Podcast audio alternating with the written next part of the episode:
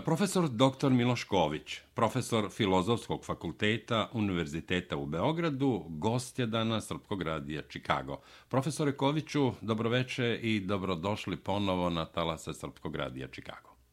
Dobroveče, bolje vas našao. Kako ste? Odlično, odlično. Evo, u Beogradu je sumrak, evo, pada polako noć, bio lep, prijatan dan, tako.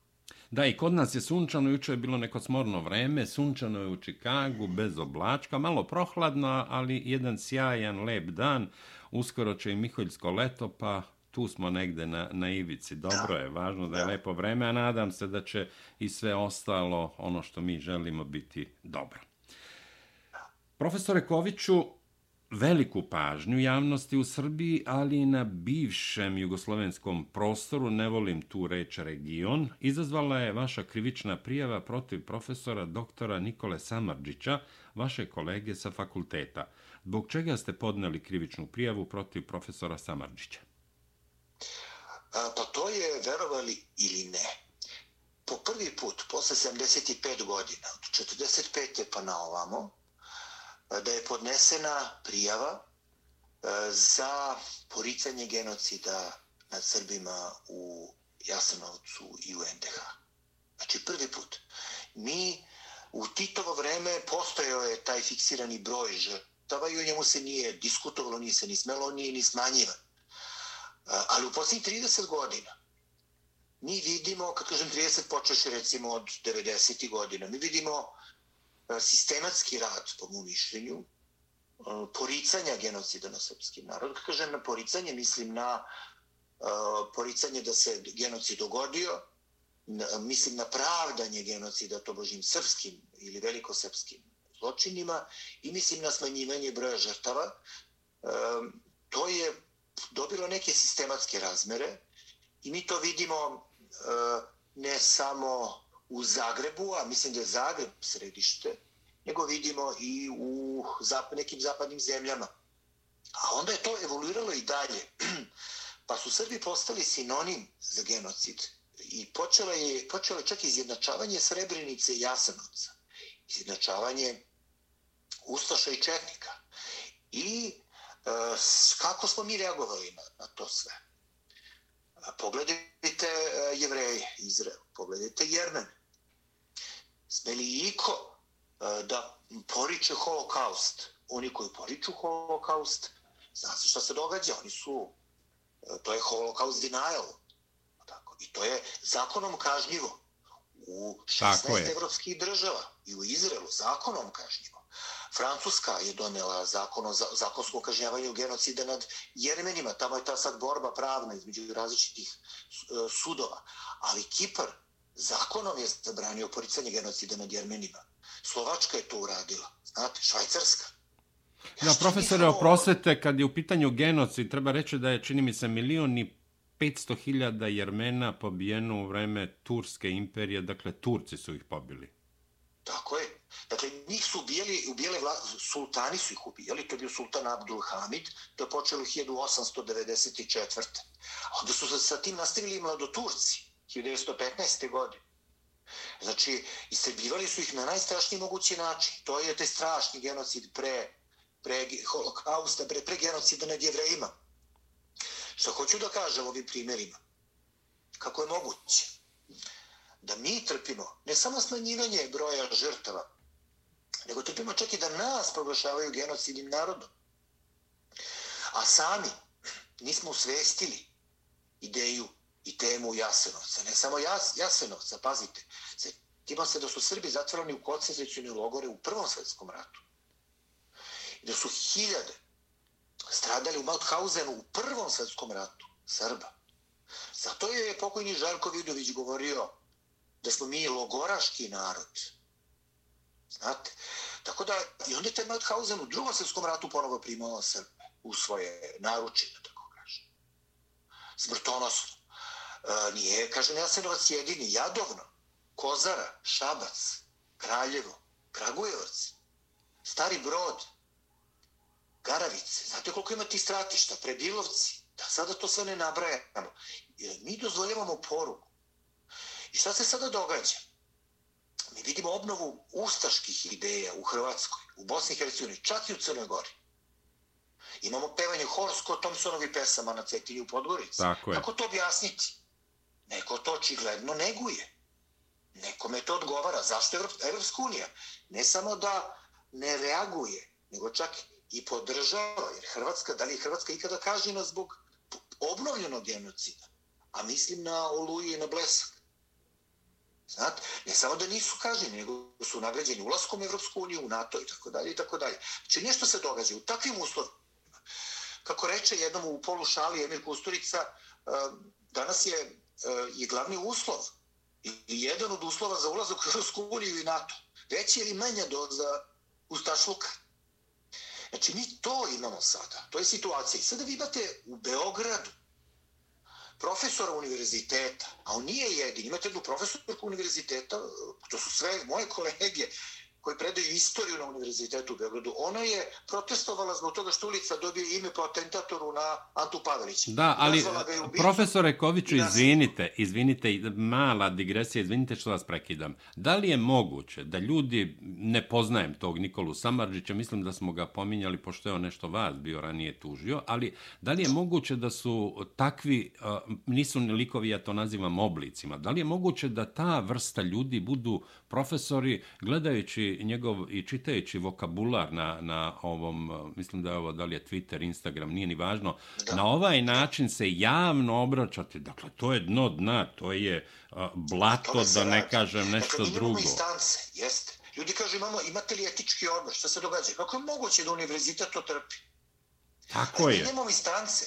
Imate u, uh, jednostavno sistem koji te ljude čuva kao, kako se kaže ovde, bele medvede, kako se kaže. Da, da, da. Dakle, da. oni su zaštićeni kao beli medvedi, to je ta sintagma. Sve te krave oni... u, Indija, u Indiji. Da. Dakle, ja vam ne govorim, to vi ste pomenuli to da ti ljudi mene su tužili zbog toga što sam rekao da propovedaju hašku interpretaciju srpske istorije i NATO, i NATO istoriju. A oni se javno deklarišu kao pristalice tih institucija. Jesam li ih uvredio nisam? Ako sam ih uvredio, zašto tužba? I tako dalje, i tako dalje. Dakle, ne pričam vam sve, zato što je pričao su više dugo o tome kako šikaniraju studente. Da. I šta predaju. Ali ovdje tema je Jasenovac i ova tužba za koju ste me pitali. Dakle, vi na Twitteru imate e, otvorene proustaške poruke koje dolaze na srpskom jeziku, pisane su latinicom. I sad jedan čovjek pod, pod pseudonimom, izvesni Igi, Igi 666, obevi psovački tweet o Srbima. I na kraju, ja vam ga ne citiram, mogu, ali neću da prosto o tome da govorim, ni to o tome. Takve, takav rečik ne koriste pristojni ljudi. Tako je. Pogotovo u jednom mediju, kao što je vaš. Tako je. I e, na kraju, posle svih tih psovki na račun Srba, se kaže da je Jasanovac odgovor na njihovu vladavi i da nema veći zlotvora. Ja mislim, taj Nikola Samariđić to na Twitteru uh, lajkuje. I ne samo da to lajkuje, kako se kaže, pozdravi preporuči, nego onda objavi poseban E, posebnu tweet poruku kaže, ne znam, da, e, da je trenutno izbor između Vučićevog i Đilasovog smeća i zato birajte Igija 666. Upravo tog čovjeka koji je objavio ustaški tweet, da. u kome se pravda Jasenovac. Sa... Onda isti taj Nikola Samarđić pozdravi uh, je tweet u kome je čovjek opet na srpskom jeziku, do duše pisano latinicu, praktično postavi na svoj Twitter nalog fotografiju na kojoj se vidi kako tenkovi idu ka krajini. To je ono kad je vojska odlazila da brani srpski narod i Beograđani koji pozdravljaju te tenkove. A onda postavi dole sliku kako naši ljudi se u Oluji proterani civili kako se povlače i onda ta isti, tu se kaže šta, a to se to je objavljeno na dan Oluje, kada se ovdje obeležava. Da, 4. avgusta. Je, I onda kaže šta, šta kome ovdje nije jasno.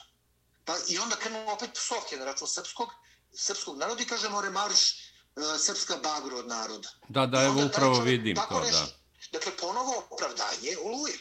Jer smo mi to zaslužili.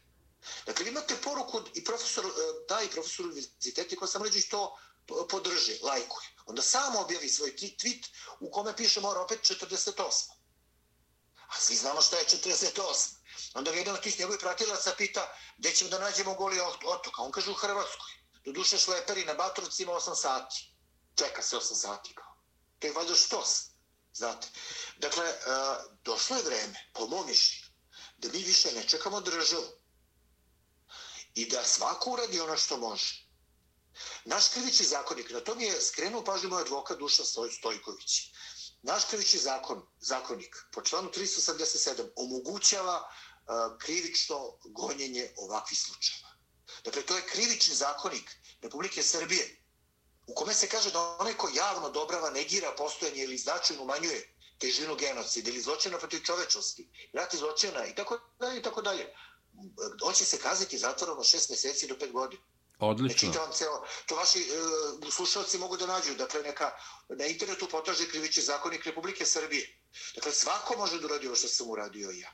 Da. Dakle, mi ne možemo više da čekamo. Profesor Koviću, i šta očekujete? Da li će ovo biti delotvorno, ova vaša krivična prijava? Ja mislim da će biti delotvorno. Dakle, naj, ova krivična prijava je naišla na ovu veliku pažnju javnosti. Znate, bilo je takvi procesa u sjemeričkim državama, recimo protiv policatelja holokausta. Da. I tu su također bili umešani, recimo, proces Davidu Irvingu i tako dalje. Tu su bili umešani istoričari na obe strane, znate.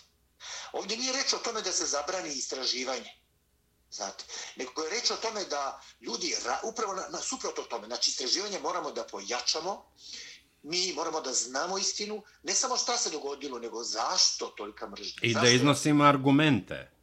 Tako, znači hoćemo, argument, hoćemo da govore kvalifikovani. Tako je. Pozvani, a ne ovaj ili onaj sa svojim uvredljivim porukama na društvenim mrežama ili u javnom diskursu. Hoćemo da govorimo, govore ljudi koji su svesni da je tema sveta Ljudi koji će o toj temi da govori sa puno poštovanja i uvažavanja. Onako ponavljamo kako se o tome govori u Izraelu ili, ili u, u, u Jermeniji. I konačno hoćemo zakonsku regulativu koja će da spreči ovo zlo. Dakle, e, šta je e, cilj? I naravno, nije cilj, e, dakle, nije cilj povrediti bilo koga. Cilj je sprečiti zlo. Da ti zločinci ponovo stave ruke na našu decu. Nama se genocid ponovio u Luji, u Blesku, u uništenju srpske zajednice u Sarajevu ili na Kosovu i Metohiji. Znači mi, ovo je, ovo je nije samo akademski interes, ovo je doslovno borba za život. Ovo je borba za istoriju, našu istoriju i ovo je borba za život. Dakle, pitali ste me šta očekujem.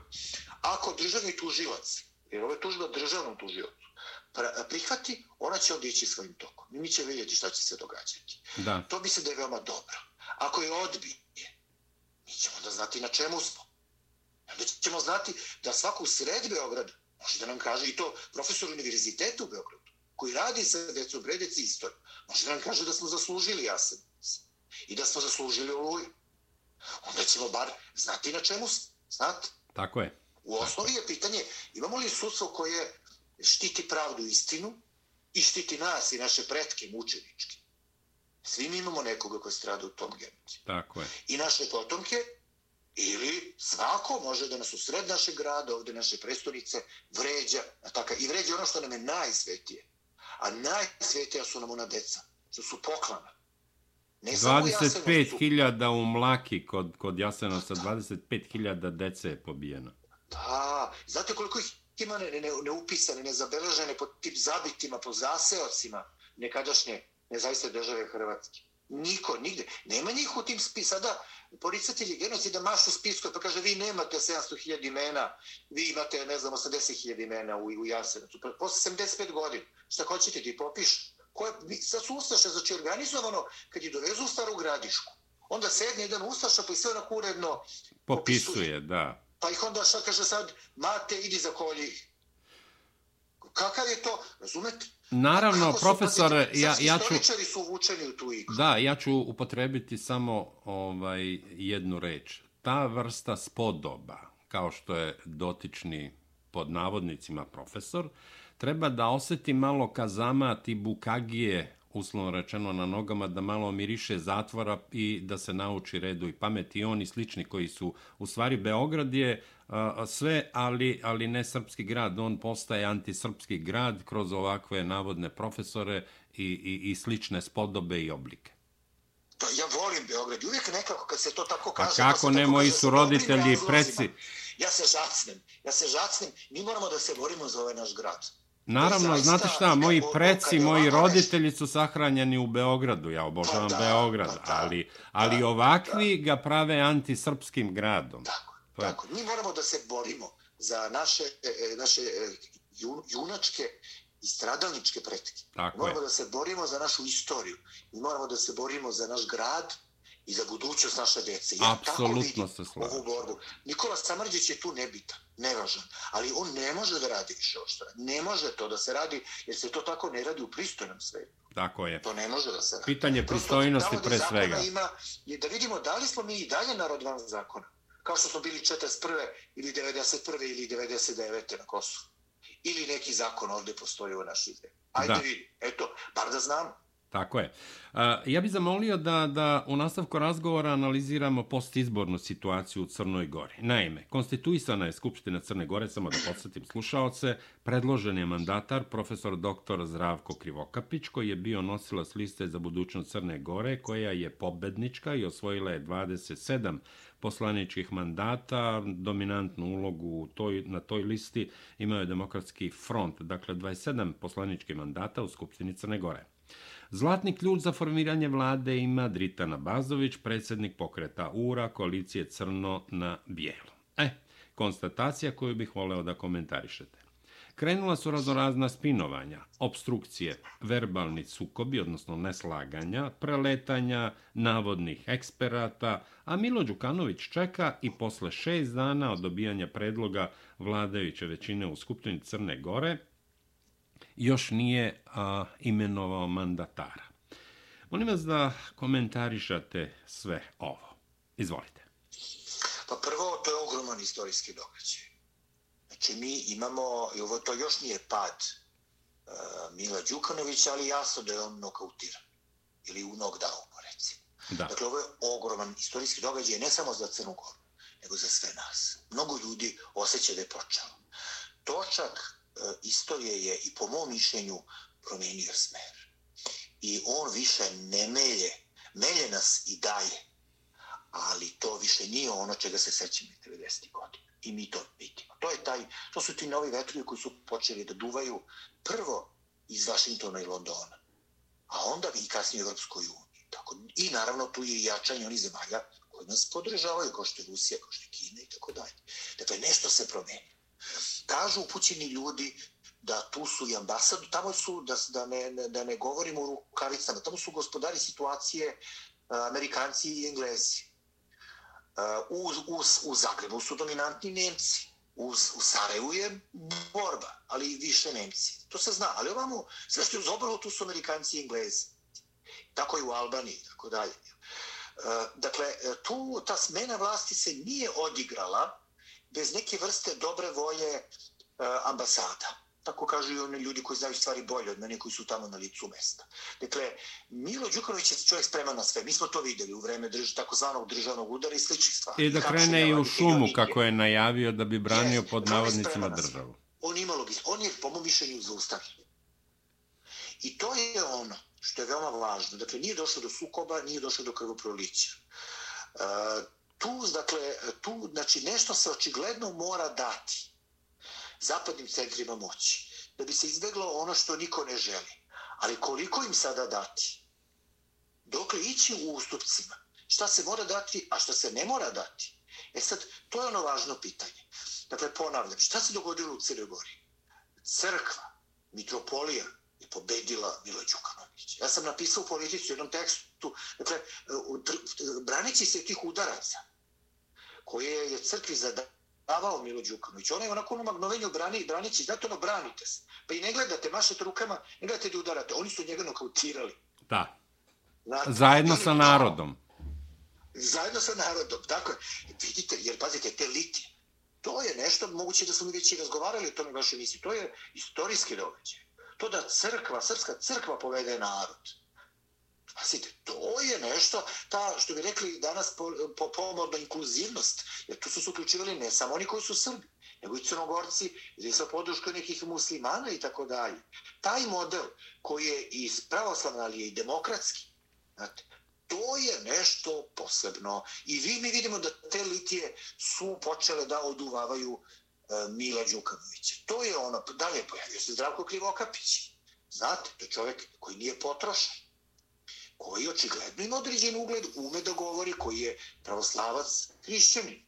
I to je ogromna stvar. Pazite, pa što je taj Dritan Bazović, koga su molili, kumili i pretili mu njegovi zemljaci i tako dalje. Mi smo vidjeli da je to čovjek koji je spreman da se rađuje sa Srbima. Tako je, tako Sve je. su to velike, velike. S druge strane imate demokratski front koji je najjača politička snaga srpskog naroda u Crnoj Gori i koji takođe ima velike zasluge. To su ljudi kojima, kojima su vršili premetačine u kućima. Milan Knežević. Zatvarali, osuđivali. Tako je, hapsili ih, otimali im pasoše, ti što su svi ti ljudi, nisu oni jedini, tu imate i Buda Aleksića i, i sve, sve ne, znate, krenete, nabrajate, ogrešit ćete se, ćete uvijek nekog Tako e, je. čoveka za, za, zaboraviti. Dak, dakle, tu imate, ti ljudi moraju da rade zajedno. Ovo što su postigli mnogo veće od bilo koga pojedinačno. Dakle, pobede ne bi bilo bez e, snage crkve. To je mitropolit Filohije, tu je vladika Jonikije, tu su e, vladika Dimitrije, e, ovamo e, vladika Atanasije Rakita, ali pre svega mitropolit e, Amfilohije i vladika Jonikije. To je ta snaga, ne bi bez toga bilo ništa, ne bi bilo bez Zdravka, Zdravka Krivokapića, ne bi bilo ni bez Demokratskog fronta i te naše srpske opozicije. E sad, u svemu tome očigledno da je Dritana Bazović taj jezičak. E, ako je tačno, sad ja znam koliko i vi, ako je tačno baš da je on postavio zahtev da se vođe srpske opozicije ne ulaze u vladu, za mene je to veoma čudno. Znate. Ali možda nije osobito zahvalno da ko- komentarišem nešto o čemu sam saznao iz novina. Da, Pa možda i nije to ni dobro, ipak sam ja istoričan, znate. tako je. Ali tu je, da- dalje, ta jagma za te, za te ministarstva sile i to je veoma čudno, znate. Ljudi su počeli da gledaju na Dritana Bazovića kao da je izrazito kao eksponenta e, zapadnih ambasada i interesa. Kažem, ponavljam, mi smo dugo imali jedan blok sa albanske strane vi ne, niste imali s kim da razgovarate. Ste imate jednog mladog čoveka koji je vrlo sposob, vrlo pametan, e, dakle ima familiju i u Sarajevu, ali i u Beogradu, tako sve to mi sad čitamo, vidimo, znate.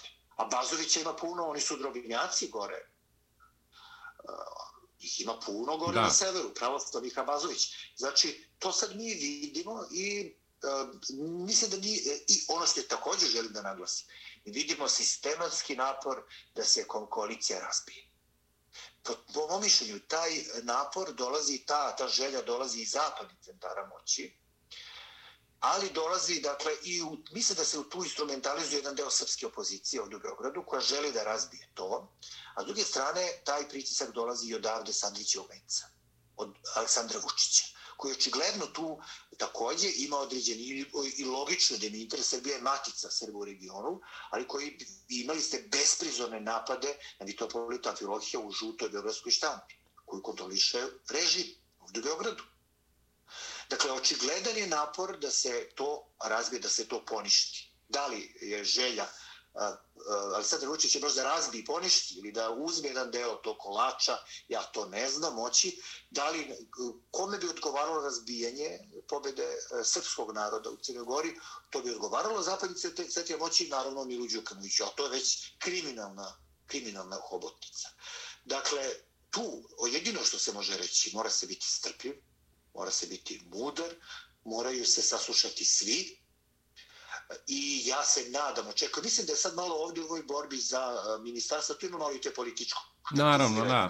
I ono što se kaže javno ne mora da bude tačno.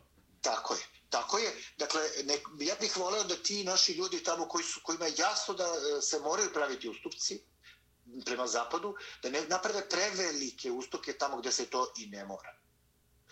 A takođe, one koji nastupaju nepomirljivo, isključivo, ipak bi trebalo zamoliti da budu strpljivi i da razumeju da se ne može sve sada i ovde. Apsolutno tačno. I da je sada su pred našim, našom braćom u Crnogori dani, meseci, nadamo se godine.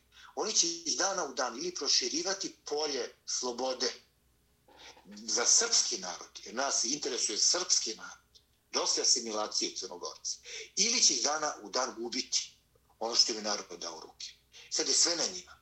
Znači, ogromna je odgovornost na, na svime njima u Crnogori, ali ono što je, želim da naglasim, pogledajte te ljude, to je ipak jedan, jedan, jedan vrlo sposoban, jedna pamet koja se tamo pojavila. I Pogledajte, naravno, koga imamo u crkvi tamo. Pogledajte i Krivo Okapića, pogledajte te naše i Andriju Mandića i sve njih, te ljude koji su tu, koji su borci. To je ozbiljno, ozbiljno. Vidite te mladi ljude koji su izneli kampanju, oni mim serdari, ona omladina koja je pravila one mimove. Pogledajte tu, celu tu kreativnost koja je izbila u prvi plan u vreme. To su sve neki mladi, urbani, mladi ljudi, što bi rekli ovdje, bili urbani. Vod nosili. Znači, tu postoje jedna ozbiljna energija, ozbiljna potencijal i ja mislim da je, možemo da kažemo da je Crna Gora po svoj prilici početak obnove srpskog naroda. Jednog hoda ka oslobođenju i ko zna možda jednog dana u. Jedan miran, jedan mudar način. Jer mi smo silom procepani i, i podeljeni. Kažem, ne želim da zvuči kao preveliki optimisti, da učitavam svoje želje. Na tim ljudima je da izdrže sada tu borbu koja će ići iz dana u dan. I mislim da oni, ja se nadam da nas oni neće razočarati. Da, ja sam siguran. Evo kratko samo da se osvrnemo na jučerašnju posetu premijera Albanije Edija Rame Crnoj Gori. On je u Tuzima razgovarao sa Nikom Đeljošajem. Mislim da je on predsjednik jedne od dve partije koje imaju po jednog albanskog poslanika u Skupštini Crne Gore. Vlast Crne Gore, još uvek vlast, naravno i vlada, ne reaguje na flagrantno mešanje unutrašnje stvari Crne Gore, a sa druge strane optužuju Srbiju da se umešala u izbore i u unutrašnja pitanja Crne Gore. Kratko, molim za komentar. Da, da. A da li ste čuli da su u isto vreme uhapsili Borisa Vlagurskog i njegovu ekipu? Da, jesam, ovaj, jesam, da, ja mislim danas da su ga uhapsili. Ali su ih jeste, pustili, jeste. evo vez dolazi da su pustili ih pustili, da, da, da. Jeste. Dakle, tu su oni, sad ti pipci te hobotice još e, tako, mrdeju, kao u filmovima. Jeli? Da. Ali to, uh, Edi Rama bi trebalo da požuri, da, da to savršava sve posljedice, no govori što mu je ostalo. I ovo deluje kao tako jedna užurbana posjeta. Znate, sećate se to kako, su, kako nas je su nas Milo Đukanović i njegove sluge optuživali su Srbiju da se meša, Edi Rama ga javno podrži da, da. ispred, ispred e, slike Čemal Bega, snivača Albana. Da, da, da. Dakle, sve je to smešno. To, zna se šta je e, diplomatski protokol. I zna se šta su procedure. Ta posveta je skandalozna sama po sebi. Ja se nadam da više neće moći da vršljaju u budućnosti po Crnogori onako kako su, kako su do juče vršili, kako sada vršili po kosu. A doći će dan kad će morati da prestanu i kad će prestati da vršili po kosu. Da, Mislim kad... na Edija Ramu i njegove saradnike iz Albanije. Doći će dan kad ćemo se, kad ćemo se vratiti. A kad pominjamo Kosovo i Metohiju, u Hagu je počeo rad sud za ratne zločine, takozvane oslobodilačke vojske Kosova. Danas je saslušan Nasim Haradinaj, a, mislim da on bliski rođak ovog Ramoša Haradinaja. On je odbio da se izjasni o krivici. Juče su saslušali dvojicu, ne, ne mogu ni da im pamtim imena, nisu ni važna. Dakle, šta očekujete od ovih specializovanih veća a, tog suda za ratne zločine, takozvane oslobodilačke vojske Kosova? Pa, ja nekako to vidim slično e, Međunarodnom tribunalu za bivšu Jugoslaviju, pa čak i Međunarodnom sudu pravde u Hagu. To su e, sredstva za političku prisilu.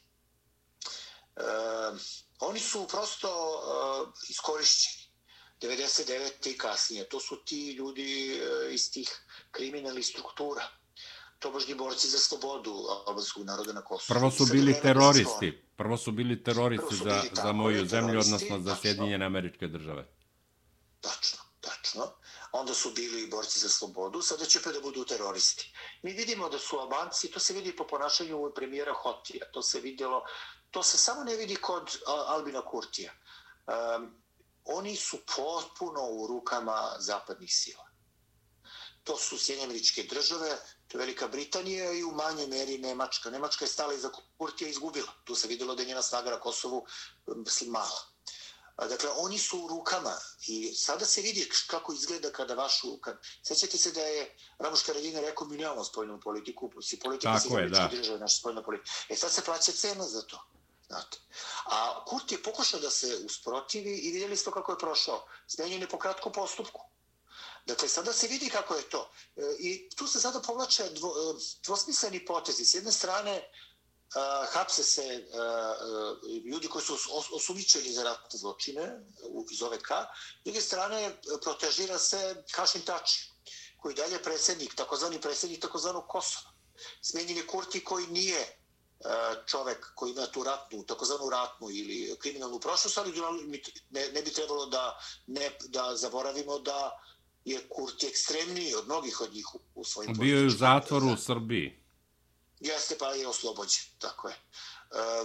Dakle, tu je ta igra sa tim ljudima. Ti ljudi, vođe Albanaca, dakle, mislim na Tačija, na Haradina, je na tu kliku, na Čekua, su ljudi koji su podložni pritiscima, ucenama i tako dalje. I sada je se vrši pritisak. Dakle, da ne bi bio pogrešno shvaćen, dakle, suđenja u Hagu su dobra vest, odlična vest. Uh, vidjet ćemo na što će to da izađe. U, u načelu sam uh, umereni pesimist. Kad je u pitanju pravda koja odavde dolazi, koja dolazi ovde iz Haga. Bio sam u Hagu i vidio sam iz prve ruke kako to izgleda. Ali da sačekamo i da vidimo ovo sada je dobro, ovo sada je dobro i ovako tretiranje takozvanih veterana OVK, to je sve dobra vest. E, vidjeli smo da je i Tači dobio poziv za Hag, ali sad e, izgleda da iza toga ipak stoje Nemačka i Europska unija. I sad to je taj konflikt između Sjedinjenih država i Europske unije, koji se otvara na Kosovu, to je vrlo zanimljivo, i ovaj, to je to nismo mogli da vidimo u 99. nova. Sve to povećava manevarski prostor za nas. Tako da su, ja to ne bih nazvao loše vestima, naprotiv. Ali treba pažljivo pratiti i proučavati te, kako se kaže, vektore uticaja i interesa s jedne strane Evropske unije sa Nemačkom, kao jer to je proširena Nemačka, ali su tu ipak i Francuska i Italija e, i druge zemlje, a s druge strane ovaj anglosaksonski blok, a to su američke države i Britanije. Konačno tu je Rusija, Kina koja je daleko, ali ima određen uticaj finansijski i tako dalje.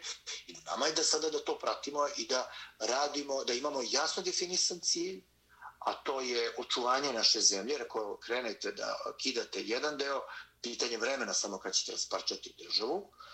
Kosovo nije samo jedan deo, mi govorimo o svetoj zemlji, o svetinjama. E, naše je, dakle, naš cilj bi trebalo da bude, to je cilj pokreta za odbranu Kosova i Metohije, uh, u čim či sam jedan od predsjedni, članova predsjedništva, to je reintegracija Kosova i Metohije u ustavno-pravni poredak Republike Srbije.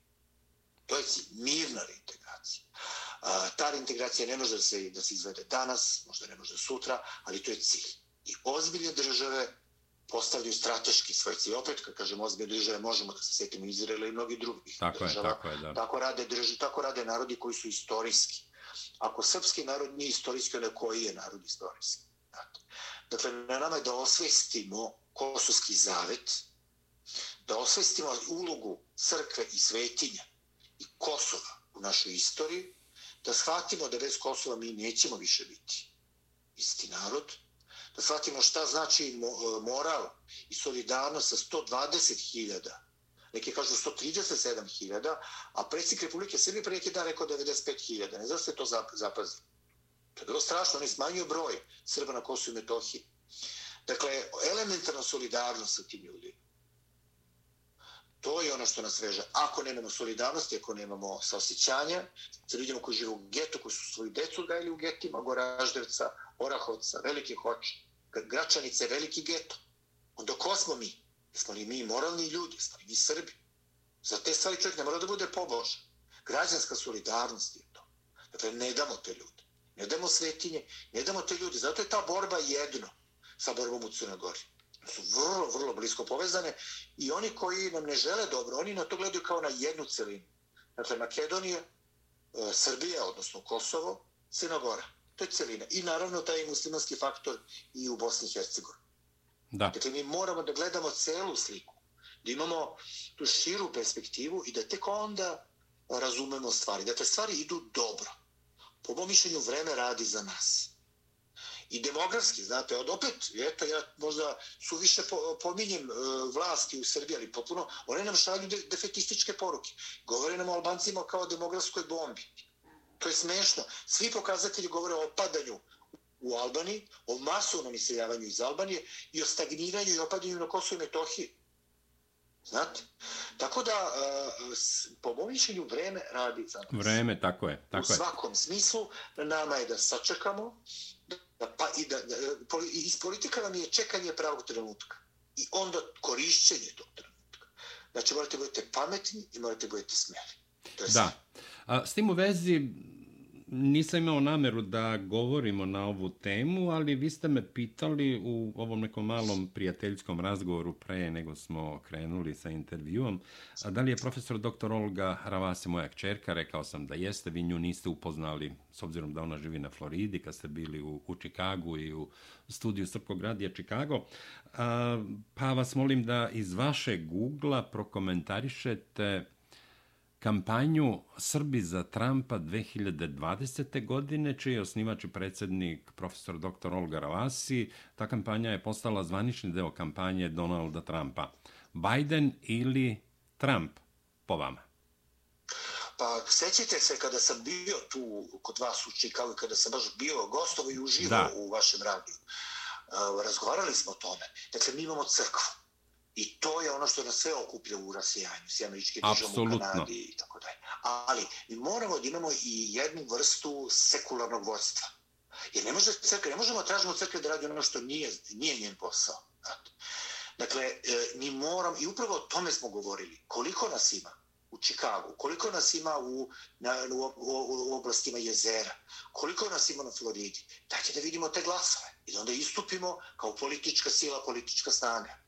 E, o tome smo govorili i eto malo posle toga se pojavila vaša čerka sa tom idejom. To je ono što nam treba. Ja, i zaista svaka podrška za tu ideju.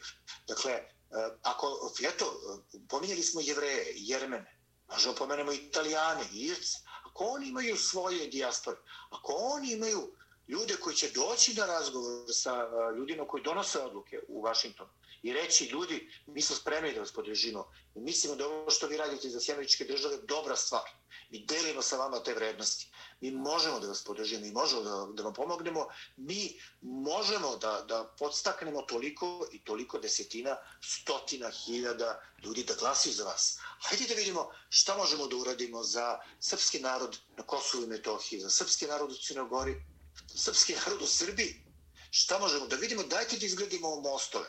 Sve što mi hoćemo, to je saradnja i to je promocija nečega. Što su ljudska prava, Srba na Kosovu. Što su je pravo na imovinu, na fizičku bezbednost. I da ne tražimo za sebe ništa više od onoga što imaju toliki narodi na, na ovoj planeti. I to se sada događa i zaista sam se obradovao kad sam vidio prve vesti o početcima e, kampanje. E, naravno, pitanje Trump ili Biden se ne postavlja. Ja nisam sreo nikoga, eto, prošao sam sa prijateljima uh, istočnu obalu svih američkih država i bili smo i u Kanadi. Nismo sreli nikoga, bili smo toliko srpskih zajednica koje glas, ili koje to da prizna da glasao za demokrate, ne za, za, za Beše Hillary je bila. Tako je, jeste. Je, jeste jedna, čini mi se, jeste. Je, je, samo od, od jedne osobe smo to čuli, zaista je pošteno rekla. Uh, Dakle, ili više se ne sreće, možda su oni ostali, rekli, ona je glasala za čak ni to. Dakle, to se pitanje za nas ne postavlja. Biden, znači nastavak stradanja srpskog naroda, to je ta duboka država. Hillary Clinton je ime i prezime duboke države.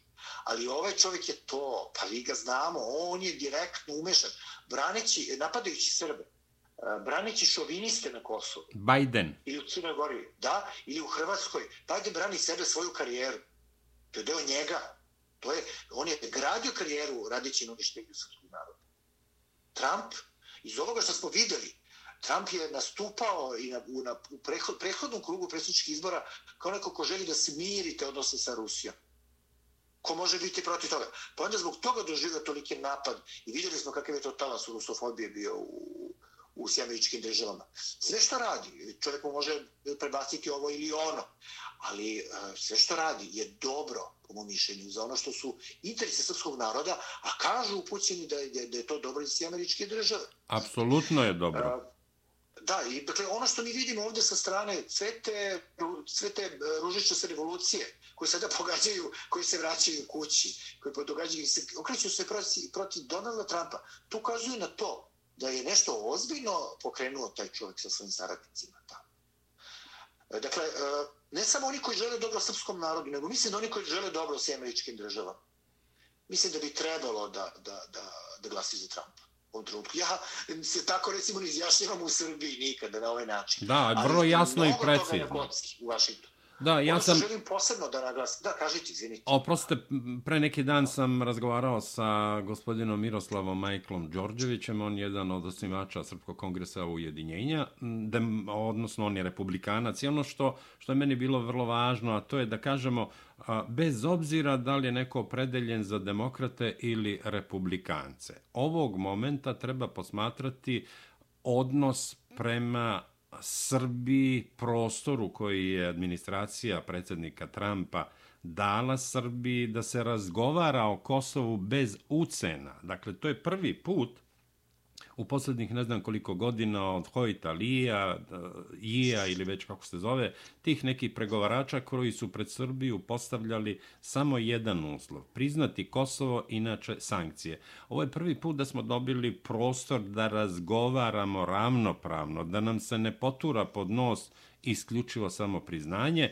i naravno da ne govorimo o tome da je predsjednik Donald Trump smanjio nezaposlenost na 3 do 4% i tako dalje i tako dalje da nije bilo nije bilo covid a ovdje bi bile neke ekonomske uh, ekonomski parametri fenomenalni ali covid, korona i tako dalje. Prema tome, bez obzira da li smo demokrate ili republikanci, ovog momenta je važno glasati za Donalda Trumpa, posebno kada je odnos administracije Donalda Trumpa prema Srbiji u pitanju, dakle, očkrinuta su vrata za razgovor. Da, e sad, ono što je, mislim, veoma važno naglasiti, uh, hipotetički, kada pobedi Donald Trump, ako pobedi, ajde kažemo kada pobedi, mislim da je da se tada ne treba uspavati. Jer ako Donald Trump u jednom trenutku kaže Srbiji, odlično, vi ste me podržali, što želite? Ako mu se iz Beograda kaže želimo razgraničenje, Kosovo i Metohiji, onda i srpsko rasijanje mora da zna i da se opredeli. Da li brani Srbiju, srpski narod i svoju braću i sestre na Kosovo i Metohiji i svoje svjetinje na Kosovo i Metohiji ili brani vlast jednog čoveka u Beogradu, predsjednika Republike. Da. Znate? Znači, to je veoma važno i to je vrlo složena sada stvar. E, dakle, ne treba ići u konflikt sa svojom državom, ali e, šta je, ako neko traži razgraničenje, da li su to interesi države, čiji su to, ili su da, to su interesi države, ali države Albanije, odnosno velike Albanije. Znači, tu treba biti budan, tu i dolazi, zato i postoji pokret za odranu u Kosovo i Metohiji, zato je ovde vlada velika uznemirnost. Ehm, vlasti u Beogradu su poslale čitav niz uznemirujućih signala, kada je u pitanju teritorijalni integritet i poštovanje ustava naše republike, po kome je Kosovo sastavni deo Srbije. Znači, tu bi trebalo Srbiji u rasijanju da budu vrlo budni i oprezni. Da u toj želji da se utiče, da se podrži, da se ne ponište svi interesi srpskog naroda. To je veoma važno. Znači, i tu, e, dakle, e, upravo tako kako ste rekli, oškrinuto su na vrata e, Bele kuće, ali mi tek onda vidimo koliko su naše akcije bile niske i nepostojeće. Jer mi smo posle oškinuti vrata tretirani sa Kosovom egal, na ravnoj nozi sa odmetnutim delom naše teritorije. Znate.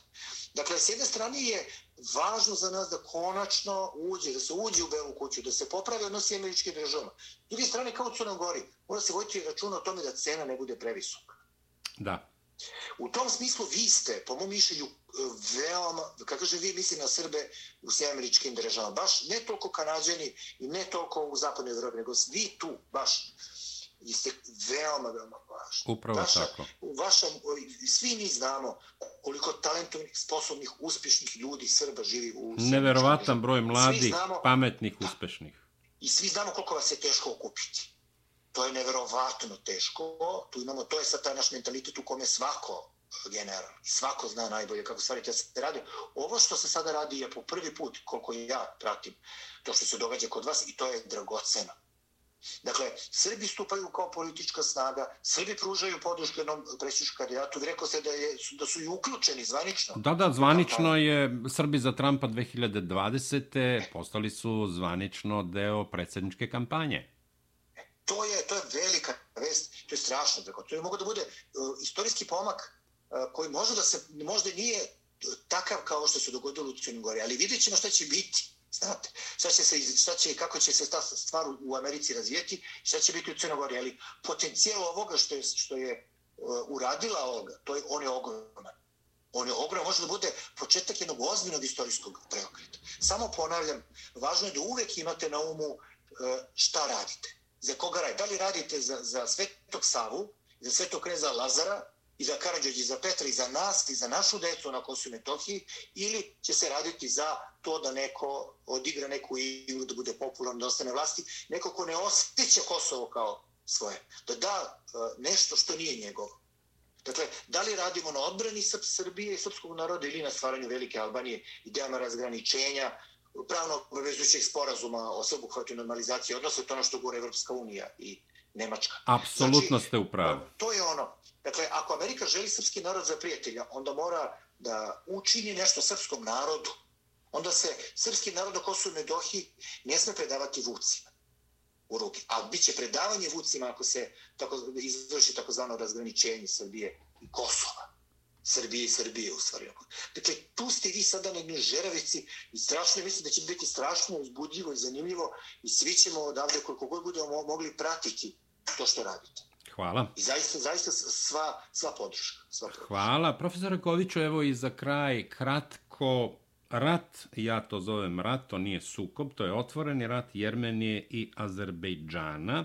Juče smo imali taj neki istorijski pogled na, na te sukobe koji traje u već nekoliko stotina godina, bukvalno. A, za vas pitanje, da li Srbija treba da se svrstava u ovom sukobu, odnosno ratu, jer sa obe zemlje ima dobre odnose? Izvolite. Pa, uh, znate kako, to je posao za velike sile. Mi moramo da budemo svesni toga gde je naše mesto i kakav je naš uticaj. E, ono što sam primetio na ulicama, to je opšta naklonost prema Jermeni. Međutim, jedan moj kolega, prijatelj, profesor univerziteta, je otišao u jermenski konzulat koji se nalazi u Hilandarskoj ulici i došao čovjek za konzulate, kaže, mogu li bilo kako da pomogne? Odavde. znači, to mi on ispričao. E, dakle, imate jednu opštu naklonost. To, tu se to vidi. Je tako? Jermeni su i, um, ta istočna pravoslavna crkva, monofizici. Da, hrišćani monofizici, da. Osjećanje koje, i to ja sam to vidio i tu s američkim državama, to, to bratske odnose među naše crkve i sirijskih monofizita, jermena, etiopljana. Dakle, mi osjećamo jedni drugi kao braću. Tako da je to raspoloženje javnog. Ne sme. To je ono, zato ljudi misle da je spoljna politika kao neki zabran, stvari elite i naravno se tu ništa ne pita. Tačno, ali ne možete da vodite spoljnu politiku protiv naklonosti e, i protiv osjećanja vašeg narodu. Suprotno dobijete 27. mart. Znate.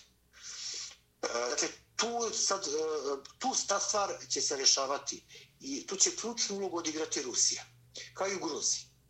I ona će se i rešavati tu u nekom odnosu između Rusije, Irana, Turske, Sjednih američkih država.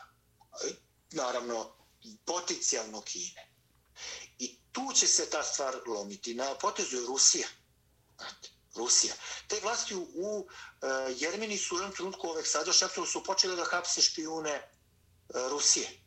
I to je zaličilo na uh, Belorusiju i Crnu Goru. Ali videli smo šta se desi Lukašenku i kako, se, kako je se naučio pameti. I videli smo šta se desilo i Milo Đukanoviću. Dakle, videli smo da je prvi koga je pozvao premijer eh, eh, uh, uh, Jermeni je bio predsjednik Rusije. I sad ćemo da vidimo šta će Rusi tu da urade. Dakle, ovdje se navija za Jermeniju. Nema tu šta i to je tako. S druge strane, Srbija ima dobre odnose sa Azerbejdžanom. Ovdje je prethodna naša vlast izgradila spomenik uh, E, kojim slavi prijateljstvo naroda Srbije i Azerbejdžana na Tašmajdanskom parku. Tašma, e, Azer, pazite, objektivno e, Azerbejdžan je brojni, jači, bogati i ima Tursku. Tako da su Jermeni u klještima. A, a, tako da mislim da bi trebalo izbegavati izbjegavati istrčavanje, kako mi to kažemo, ali da bi naša vlast ipak ovdje trebalo da zna i osjeća kakvo je raspoloženje srpskog naroda. Tu, kažem, trebalo bi pustiti velike sile da odigraju svoje. Ehm, verujte, većina nas koji ovdje pratimo je, i pogotovo zato što izgleda po, po tome što smo mogli da pročitamo, da je Zerbeđan prvi napao i da je stvar bila vrlo pripremljena u saradnji sa, sa Turskom. Dakle, sve to u stvari nekako vodi ka naklonosti, a tu su, kažem, i te istorijske veze prema Jermenima, koje smo toliko puta pominjali u našem razgovor. A kažem, naše vlasti bi trebalo tu da budu oprezne, da znaju gde nam je mesto, da će velike sile tu stvar rešavati, ali da povedu računa o raspoloženju srpskog, dakle, da to je sigurno. Profesore Koviću, hvala vam što ste bili gost Srpskog radija Chicago. Dakle, zaista vam hvala. Hvala vam kao i uvek na, na rekao bih, visprenim zaključcima, smatranju i savetima, dobrim savetima pre svega. Hvala vam. Hvala vama na, na ovom prijatnom razgovoru i hvala vam na svim pohvalama. Ne znam, možda su malo prekarane, ne znam koliko sam ih zaslužio, ali hvala vam u svakom slučaju. Uvek je veliko zadovoljstvo razgovarati sa vama. Da, profesore, ja kažem ono što osjećam, ne udvarajući se ni vama, niti bilo kome. Da. Prosto je to tako, pa sad, kome se sviđa, tako, sviđa, tako. kome ne, šta da radimo, ali to je zaista tako. Nema razloga da jedni drugima delimo komplemente, zaista je to tako i um, sa radošću se uvek ovaj, očekuje naš razgovor, a nadam se uskoro i viđenje u Beogradu. Tako je, tako, a možda i u Čikagu. A, apsolutno. U Čikagu ste već bili, pa nismo se videli u Beogradu, tako da sasvim je sve jedno. Važno je da se vidimo. Tako I da nam se pogledi o plemene, to je vrlo važno. Da i da jedni druge ohrabrimo. Tako je. To je tako jako važno. Tako je. Hvala vam još jednom od srca što, što ste odvojili vaše vreme i bili gostartkog radija Chicago. Pozdravite sve vaše i one koje treba pozdraviti, a vi to najbolje znate. Naravno, hvala i vama. Hvala. Poštovani slušalci, gost Srpskog radija Čikago bio je profesor dr. Miloš Ković, profesor Filozofskog fakulteta Univerziteta u Beogradu.